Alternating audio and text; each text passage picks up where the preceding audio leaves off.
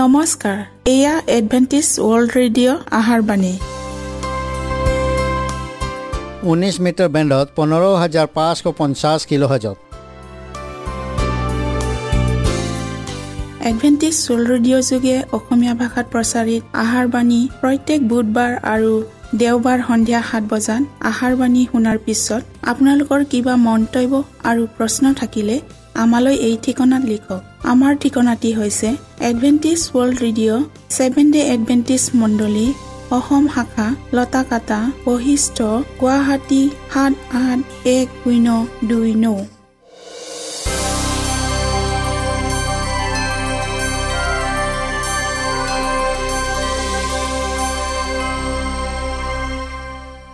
প্ৰিয় শ্ৰোতা বন্ধুসকল এতিয়া শুনো আহক এটি খ্ৰীষ্টীয় ধৰ্মীয় গীত।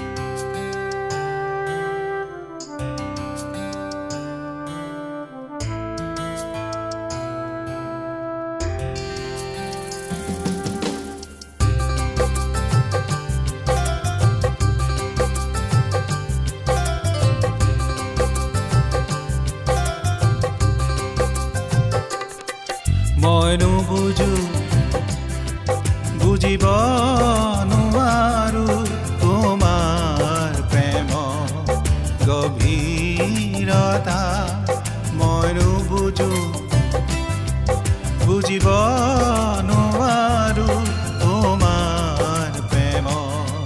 গভীৰতা মাথো মই আজি অবাক হৈ যাওঁ তোমাৰ প্ৰেমৰ কথা যেতিয়া ভাবো মাথো মই আজি অবাক হৈ যাওঁ তোমাৰ প্ৰেমৰ কথা যেতিয়া ভাবো। মই নুবুজো বুজিব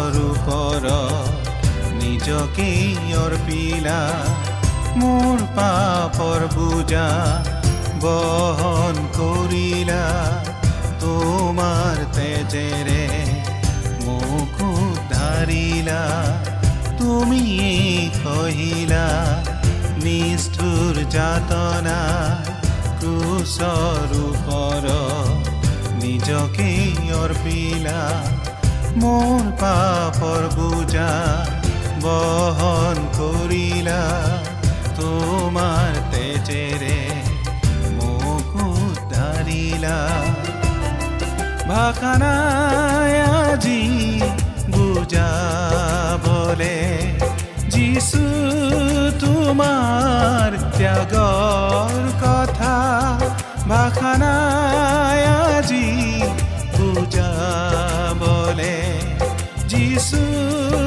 তোমাৰ ত্যাগৰ কথা মই নুবুজো বুজিব নোৱাৰো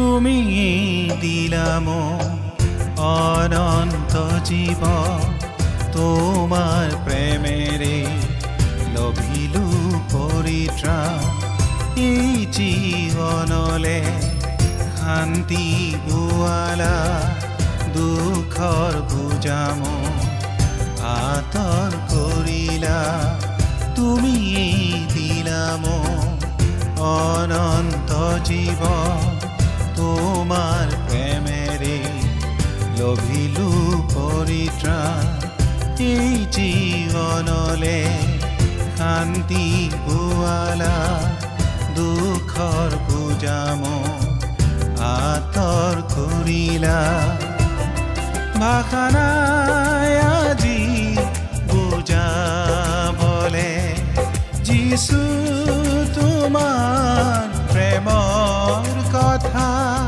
ভাষা নাই আজি বুজাবলে যিছু তোমাৰ প্ৰেমৰ কথা মইনো বুজো। বুজিব নোৱাৰো তোমাৰ প্ৰেম গভীৰতা মইনো বুজো। বুজিব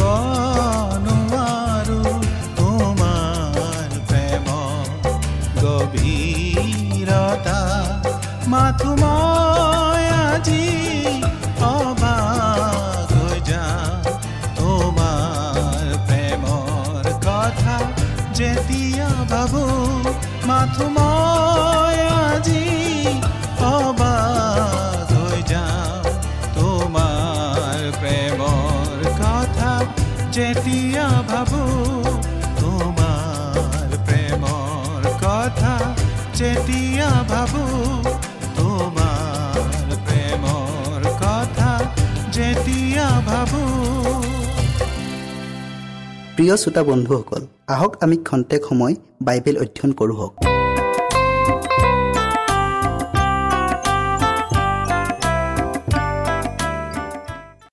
প্ৰিয় শ্ৰোতাসকল নমস্কাৰ। আজি আমি বিয়াৰ কাপোৰ নিপিন্ধাকৈ এই দৃষ্টান্তক অধ্যয়ন কৰোঁ হওক। শাস্ত্ৰপদ হৈছে মঠি বাইছ অধ্যায়ৰ এক পদৰ পৰা চৈধ্য পদলৈকে। ঈশ্বৰৰ বাক্য শুনাৰ আগতে আমি প্ৰাৰ্থনা কৰোঁ হওক। সেই স্বৰ্গত থকা পবিত্ৰ জীৱনময় গৰাকী তোমাক ধন্যবাদ দিছোঁ প্ৰভু। কিয়নো তোমাৰ আশীৰ্বাদ আৰু দয়াৰ এই সুন্দৰ সময় আকৌ আমি পালোঁ। প্ৰভু তুমি আমাৰ সংগে সংগে থাকি যি বিষয় অধ্যয়ন কৰিবলৈ আগবঢ়াইছোঁ সেই বিষয়টিলৈ জানিবলৈ জ্ঞান আৰু বুদ্ধি দিয়া। যীশুৰ পবিত্ৰ নামত খুজিলোঁ। আমেন বিবাহ বস্ত্ৰৰ দৃষ্টান্তই আমালৈ এক গভীৰ পৰিণামৰ সন্মুখীন হোৱাৰ পথ সুগম কৰি দিয়ে। বিবাহৰ দ্বাৰাই মানুহ ঈশ্বৰৰ সৈতে একতা হোৱা বুজায় আৰু বিবাহৰ বস্ত্ৰই বিবাহলৈ নিমন্ত্ৰিত অতিথিবিলাকৰ সৎগুণ আৰু সৎ স্বভাৱ থকাটো বুজায়। এই দৃষ্টান্তৰ বৰ ভোজে যিহুদীবিলাকক সুবাৰ্তা গ্ৰহণৰ আমন্ত্ৰণ আৰু পৰজাতি বা অজিহুদী জাতিবিলাকৰ আগত ঈশ্বৰৰ বাক্যৰ সাক্ষ্য দিয়া অগ্ৰাহ্য কৰাৰ স্পষ্ট ব্যাখ্যাৰে উল্লেখ আছে।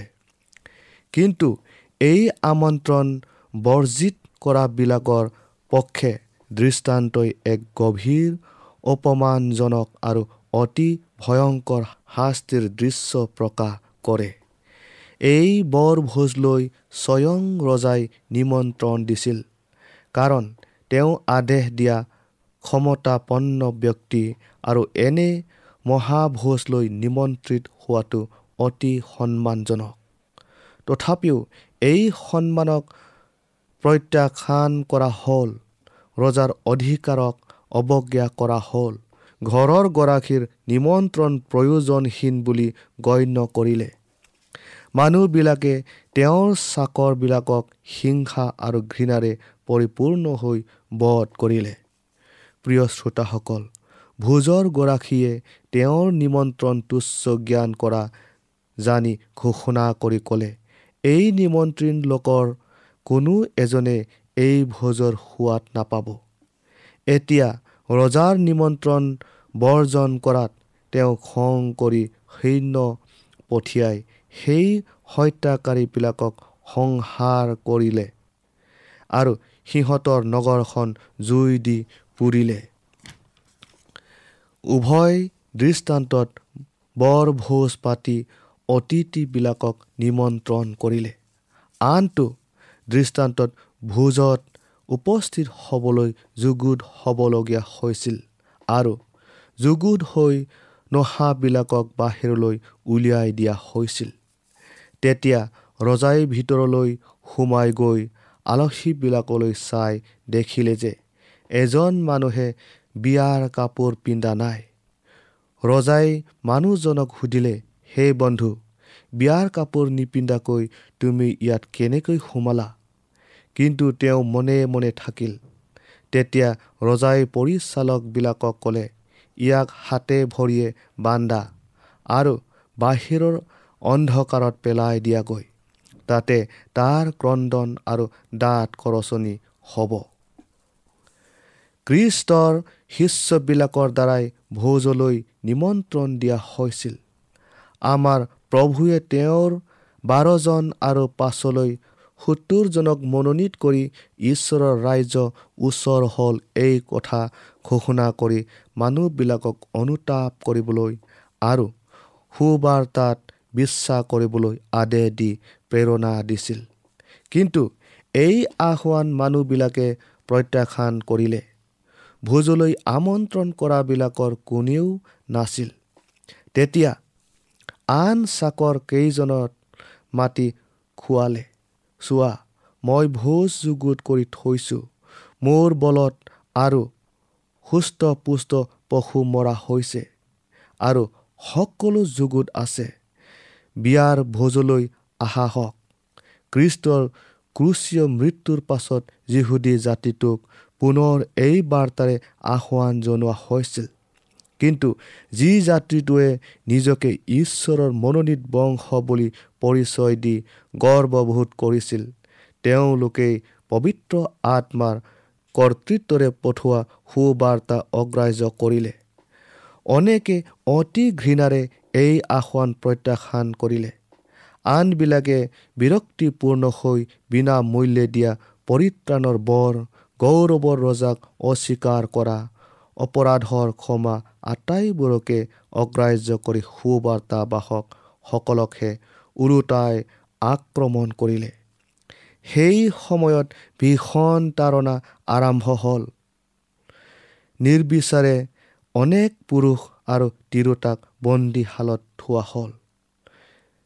ষ্টিফান আৰু জাকবৰ দৰে ঈশ্বৰৰ বাৰ্তাবাসকবিলাকক মৃত্যুদণ্ড বিহা হ'ল। এইদৰে যিহুদী লোকবিলাকে ঈশ্বৰৰ দয়া পৰিত্যাগ কৰাৰ ওপৰত মোহৰ মাৰি তেওঁৰ পৰা আঁতৰ হৈ গ'ল। ইয়াৰ ভীষণ পৰিণামৰ কথা খ্ৰীষ্টই দৃষ্টান্তৰ যোগেদি আগে কৈ গৈছিল। তেতিয়া ৰজাই সৈন্য পঠিয়াই সেই হত্যাকাৰীবিলাকক সংহাৰ কৰিলে আৰু সিহঁতৰ নগৰখন জুই দি পুৰিলে। বিচাৰদণ্ড যিহুদীবিলাকৰ ওপৰত নামি আহিল। যেতিয়া জেৰুচালেম নগৰখন ধ্বংস কৰি জুইৰে পুৰি পেলালে আৰু মানুহবিলাক ইফাল সিফাল সিঁচৰিত হৈ গ'ল। বৰ ভোজলৈ তৃতীয় আহ্বান পৰজাতি বা অজিহুদীবিলাকলৈ সুবাৰ্তা প্ৰচাৰ কৰা বুজায়। ৰজাই চাকৰবিলাকক ক'লে বিয়াৰ ভোজ যুগুৰ হৈ আছে কিন্তু নিমন্ত্ৰিতবিলাক যোগ্য নাছিল। সেইকাৰণে তোমালোক নগৰৰ আলিবাটলৈ যোৱা আৰু যিমানক পাৰা আটাইকে বিয়াৰ ভোজলৈ নিমন্ত্ৰণ কৰিবা। ৰজাৰ চাকৰবিলাকে ৰাজপথলৈ ওলাই গৈ ভাল বিয়া যিমানকে পালে সকলোকে আনিলে আৰু বিয়াঘৰ আলহীৰে ভৰি পৰিল। এইটো এটা সংমিশ্ৰিত দল আছিল। এই নিমন্ত্ৰিত লোকবিলাকৰ কিছুমানৰ বৰ ভোজ দিওঁতাজনৰ প্ৰতি কোনো শ্ৰদ্ধাভাৱ নাছিল। প্ৰথম দলটোৱে ৰজাৰ বৰ ভোজৰ কাৰণে জাগতিক সুখ ভোগ সা সুবিধা স্বাৰ্থ আদি বিসৰ্জন দিব নোৱাৰিলে। যিবিলাকে নিমন্ত্ৰণ গ্ৰহণ কৰিলে তেওঁলোকৰ অনেকে স্বাৰ্থ পূৰণৰ অৰ্থে নাইবা সাময়িক লাভৰ বাবে আহিছিল। কিন্তু ৰজাক ভক্তি সন্মান জনোৱাৰ কাৰোৱে ইচ্ছা নাছিল। প্ৰিয় শ্ৰোতাসকল যেতিয়া ৰজাই নিমন্ত্ৰিত লোকবিলাকক চাবলৈ আহিছিল তেতিয়া সকলোৰে প্ৰকৃত স্বভাৱ পৰিলক্ষিত হ'ল। সেই বৰভোজত প্ৰত্যেকজন আলহীক এযোৰাকৈ বিবাহ বস্ত্ৰ দিছিল আৰু এই বিবাহ বস্ত্ৰ ৰজাৰ পৰা উপহাৰ স্বৰূপে দিয়া হৈছিল। ভোজত আলহীবিলাকে সেই বস্ত্ৰ পৰিধান কৰি দেউতাজনৰ প্ৰতি সন্মান প্ৰদৰ্শন কৰিছিল। কিন্তু এজন মানুহে তেওঁৰ সাধাৰণ সাজ পাৰ পিন্ধি ভোজৰ আসনত বহিছিল। তেওঁ ৰজাৰ প্ৰয়োজন অনুসাৰে নিজকে যুগুত কৰিবলৈ ইচ্ছা নকৰিলে। যি দামী বস্ত্ৰ তেওঁক পিন্ধিবলৈ দিয়া হৈছিল তাক সেৱ জ্ঞান কৰি তেওঁৰ মালিকক অপমান কৰিলে। ৰজাই দাবী কৰিয়েই সুধিলে হে বন্ধু বিয়াৰ কাপোৰ নিপিন্ধাকৈ তুমি ইয়াত কেনেকৈ সোমালা? কিন্তু তেওঁ মনে মনে থাকিল আৰু নিজকে দোষী সাব্যস্ত কৰিলে। তেতিয়া ৰজাই আদেশ দি ক'লে ইয়াক হাতে ভৰিয়ে বান্ধা আৰু বাহিৰৰ অন্ধকাৰত পেলাই দিয়াকৈ। ভোজত ৰজাই আলহীবিলাকক অনুসন্ধান কৰা কাৰ্যক সোধ বিচাৰক বুজায়। সুবাৰ্তা ভোজত সমবেত হোৱা আলহীবিলাক ঈশ্বৰৰ পৰিচৰ্যাকাৰী লোক বুলি পৰিচয় দি জীৱন পুস্তকত তেওঁলোকৰ নাম লিখা আছে বুলি বিশ্বাস কৰে। কিন্তু সকলোৱে ঈশ্বৰ বিশ্বাসী বুলি পৰিচয় দিয়া ব্যক্তিয়ে তেওঁৰ প্ৰকৃত শিষ্য নহয়। যিহেতু ধাৰ্মিকতাৰ পুৰস্কাৰৰ উত্তৰাধিকাৰী উপযুক্ত লোক কোন হ'ব চূড়ান্ত সিদ্ধান্ত লোৱাৰ পাছতহে নিৰ্ণয় কৰা হ'ব। কৃষ্ণই স্বৰ্গৰ মেঘ ৰথত দ্বিতীয়বাৰ অহাৰ পূৰ্বে সিদ্ধান্ত লোৱা হ'ব কাৰণ যীশুৱে কৈছে শুনা মই বেগাই গৈছোঁ যাৰ যেনে কৰ্ম তেওঁক তেনে প্ৰতিফল দিবলৈ। মই দিবলগীয়া পুৰস্কাৰ মোৰ লগত আছে। প্ৰকাশিত বাক্য বাইছ অধ্যায়ৰ বাৰ পদ। তেওঁৰ আগমনৰ পূৰ্বে প্ৰত্যেকজন ব্যক্তিৰ কৰ্ম অনুসাৰে পুৰস্কৃত কৰা হ'ব। প্ৰিয় শ্ৰোতাসকল মানুহ জগতত থকা কালতে স্বৰ্গৰ ন্যায়ালয়ত তদন্তমূলক বিচাৰ আৰম্ভ হৈছে। ঈশ্বৰৰ অনুগামী লোক বুলি পৰিচয় দিয়া আটাই লোকেৰে তেওঁৰ আগত পৰ্যবেক্ষণ কৰা হ'ব। স্বৰ্গৰ পুস্তক লিপিবদ্ধ হৈ থকা অনুসাৰে প্ৰত্যেকৰে বিচাৰ হ'ব আৰু কৰ্ম অনুসাৰে চিৰকালৰ বাবে ধাৰ্য কৰা পুৰস্কাৰ প্ৰদান কৰা হ'ব। দৃষ্টান্তত উল্লেখ কৰা বিবাহৰ বস্ত্ৰৰ দ্বাৰাই কৃষ্টৰ প্ৰকৃত অনুগামীসকলত থকা পবিত্ৰ আৰু নিষ্কলংকিত চৰিত্ৰক বুজায়।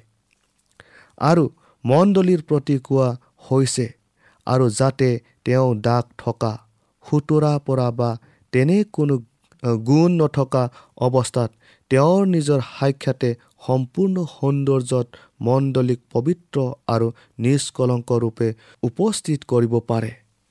শাস্ত্ৰত আৰু কৈছে কইনাক অৰ্থাৎ মণ্ডলীক পিন্ধিবৰ কাৰণে তেওঁক সন সূতাৰে উজ্জ্বল আৰু শুদ্ধ মিহি বস্ত্ৰ দিয়া হ'ল। এয়া হৈছে কৃষ্টৰ নিষ্কলংকিত গুণ আৰু চৰিত্ৰ যিটো কৃষ্টক ব্যক্তিগত ত্ৰাণকৰ্তা বুলি গ্ৰহণ কৰা সকলোকে প্ৰদান কৰা হয়। ঈশ্বৰৰ দ্বাৰাই নিৰ্ধাৰিত স্থান পবিত্ৰ এডেন বাৰীত আমাৰ আদি পিতৃ মাতৃয়ে শুভ্ৰ পবিত্ৰ বস্ত্ৰ পিন্ধিছিল। তেওঁলোকে শুদ্ধভাৱে ঈশ্বৰৰ সৎ ইচ্ছাৰ বশ হৈ চলিছিল। সৰ্বশক্তিৰে তেওঁলোকৰ নিস্বাৰ্থ শ্ৰদ্ধা ভক্তি স্বৰ্গীয় পিতৃলৈ উৎসৰ্গ কৰিছিল। ঈশ্বৰৰ সৌন্দৰ্যবৰ্ধক মৃদু পোহৰৰে পবিত্ৰ স্বামী স্ত্ৰী শালক আৱৰি ৰাখিছিল। এই জ্যোতিৰ বস্ত্ৰই স্বৰ্গীয় পবিত্ৰতাৰ আত্মিক বস্ত্ৰৰ প্ৰতীক স্বৰূপ আছিল।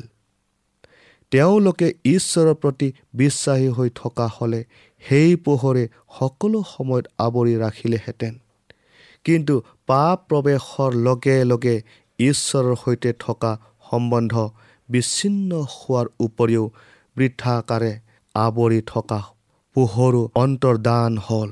উলংগ হৈ লাজে অপমানে নিজৰ নিজৰ শৰীৰ ঢাকিবলৈ স্বৰ্গীয় বস্ত্ৰৰ সলনি পাতৰ বস্ত্ৰ হিয়াই ল'লে।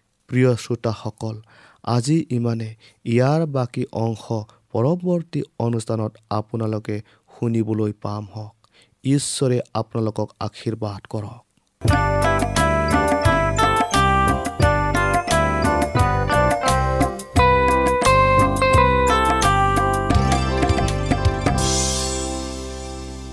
ইমানপৰে আমি বাইবেল অধ্যয়ন কৰিলোঁ। এতিয়া আকৌ শুনো আহক এটি খ্ৰীষ্টীয় ধৰ্মীয় গীত।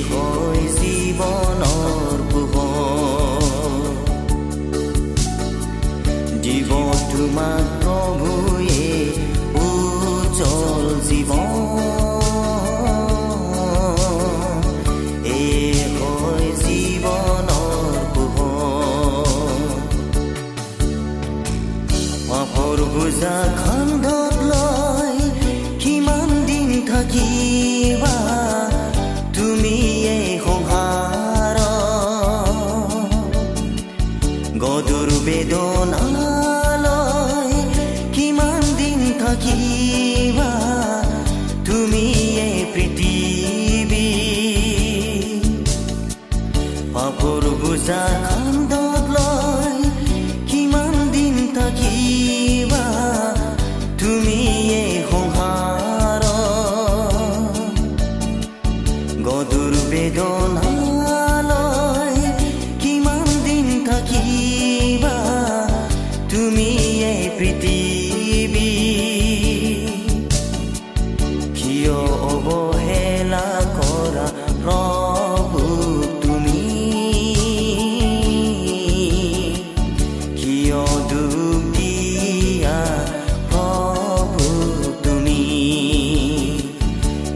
Hello.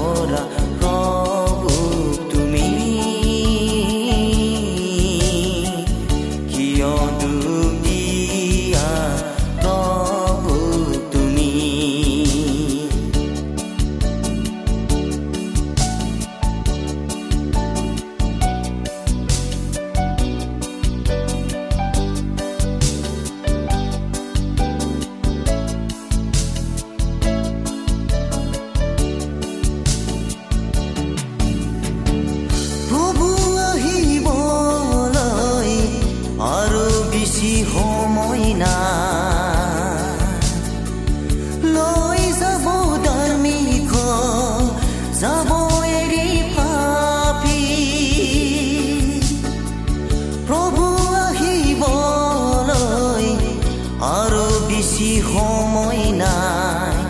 লৈ যাব যাব পাপী। কি হ'ব তোমাৰ জীৱন মনত ৰাখিব আমাৰ ঠিকনাটি পুনৰ কৈ দিছোঁ। Adventist world radio' Assam region of seven day Adventist voice of hope Lotakata Basistha Guwahati seven eight one zero' two nine প্ৰিয় শ্ৰোতা বন্ধুসকল এডভেণ্টিজ ৱৰ্ল্ড ৰেডিঅ' যোগে আহাৰবাণী প্ৰচাৰত আপোনালোকক পুনৰ লগ পোৱাৰ আহাৰে আজিলৈ সামৰিলোঁ। ধন্যবাদ।